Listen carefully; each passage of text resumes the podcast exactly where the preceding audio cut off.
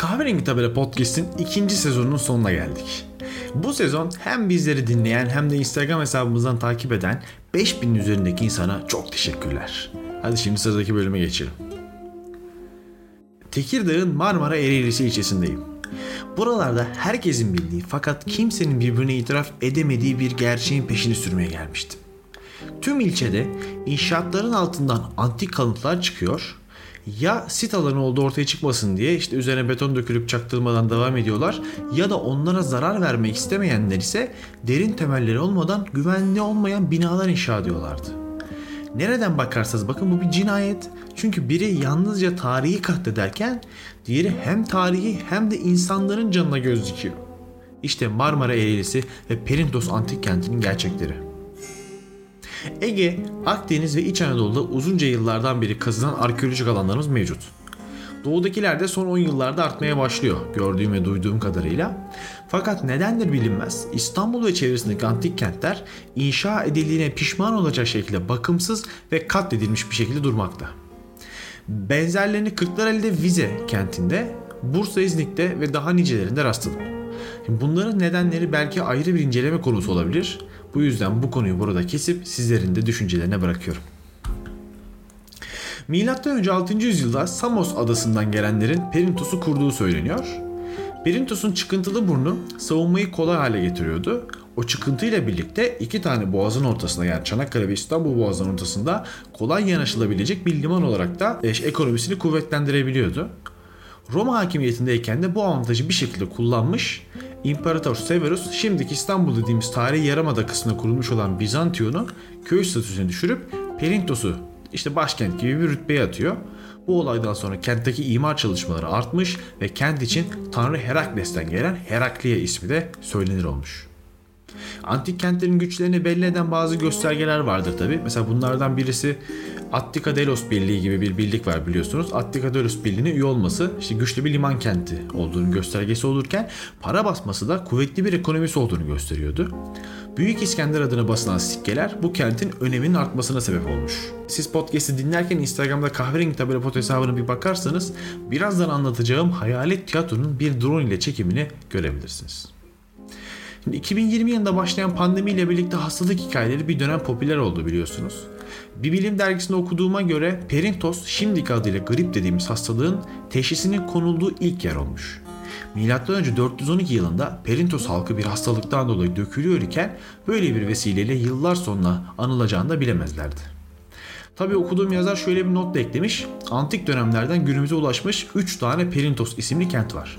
Bunlardan yalnızca Marmara Ereğlisi'ndeki bu kent bizim ülkemiz sınırlarında. Yani bunun bizdeki Perintos olmama ihtimali için de e, yazıda uyarıyor. Sizlere neden kenti gezdirmediğimi düşünüyor olabilirsiniz. Çünkü gözümüzde görebileceğimiz pek bir şey yok. Evet neredeyse hiçbir şey yok. Şimdi önceki tiyatrosundan başlayayım. Uydu görüntülerinden ya da işte çektiğim drone görüntülerinden de yeri belli olan fakat taşlarının çevre illerdeki inşaat faaliyetleri için kullanılmak üzere götürülmüş olmasından korkulan henüz kazılmamış bir tiyatrosu var. Akropol Tepesi denilen kentin merkezinde Hadrian Tapınağı da var. O biraz solda kalıyor. Yine drone görüntüleriyle acaba burası Hadrian Tapınağı mı acaba dediğim görüntüler mevcut fakat kesin bir şey söylenemiyor. Bu ikisinin arasında halkın ikiz mağaralar dediği tonozlu bir yapı da mevcut. Bu yapı muhtemelen bir agora'nın parçasıydı. Bir de Akropol'den hemen aşağı inilen yamaçta olduğu iddia edilen ama hiçbir kanıtısı görünmeyen bir stadyum var. Bu kanıtlardan bir parça görmek isterseniz gidilebilecek 3 yer var orada. Biri kentin içindeki yani Marmara Eğrisi'nin içindeki Antik Park denilen bir açık hava müzesi. Burada Hadrian Tapınağı'na ait olduğunu düşündüğüm bir tapınak başlığı, friz parçaları ve iyon sütunları var. İkinci durağınız hemen şehrin dışındaki belediye binası önünde sergilenen sütunlar ve layıklar olabilir. Üçüncü durağımız da yarım saat ilerideki Tekirdağ Arkeoloji Müzesi. Şimdi buradan çıkarılan kanıtlar mevcut tabi orada. Bazı kalıntılar evlerin temellerinden çıkıp sağa sola atılmış. Bazıları da yarım yamalak yapılan ve henüz sistemli sayılmayacak kazılar sonucu ortaya çıkmış. E, Akropol'ün aşağısında gözümüzle görebileceğiniz ve kazıları belirli bir aşamaya geldiği Herakliye Bazilikası var. Şimdi milattan önce 5. yüzyıl civarı yapıldığı düşünülen yapı oldukça atıl bir şekilde oracıkta duruyor. Şimdi her yerden gelecek tehdide açık olması ve korumasının yetersiz oluşu beni üzdü. Biraz ayrıntı vermem gerekirse tabii kalıntılara dokunacak kadar içeri girebiliyorsunuz zaten. O dönemlerden kalma merdivenler, kubbe şeklindeki yapısı ve kazılmış toprağın içine görünen kalıntılarla harika görünüyor.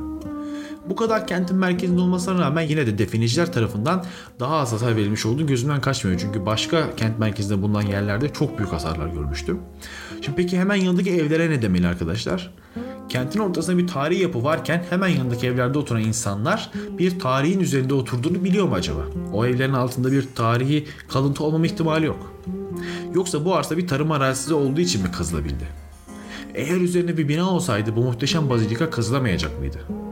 Şimdi bu sorunun cevabını sizlerin vicdanlarına bırakıyorum ama tabii ki kazılamayacaktı. Bunun cevabını hepimiz biliyoruz. Antik yazar Diodoros M.Ö.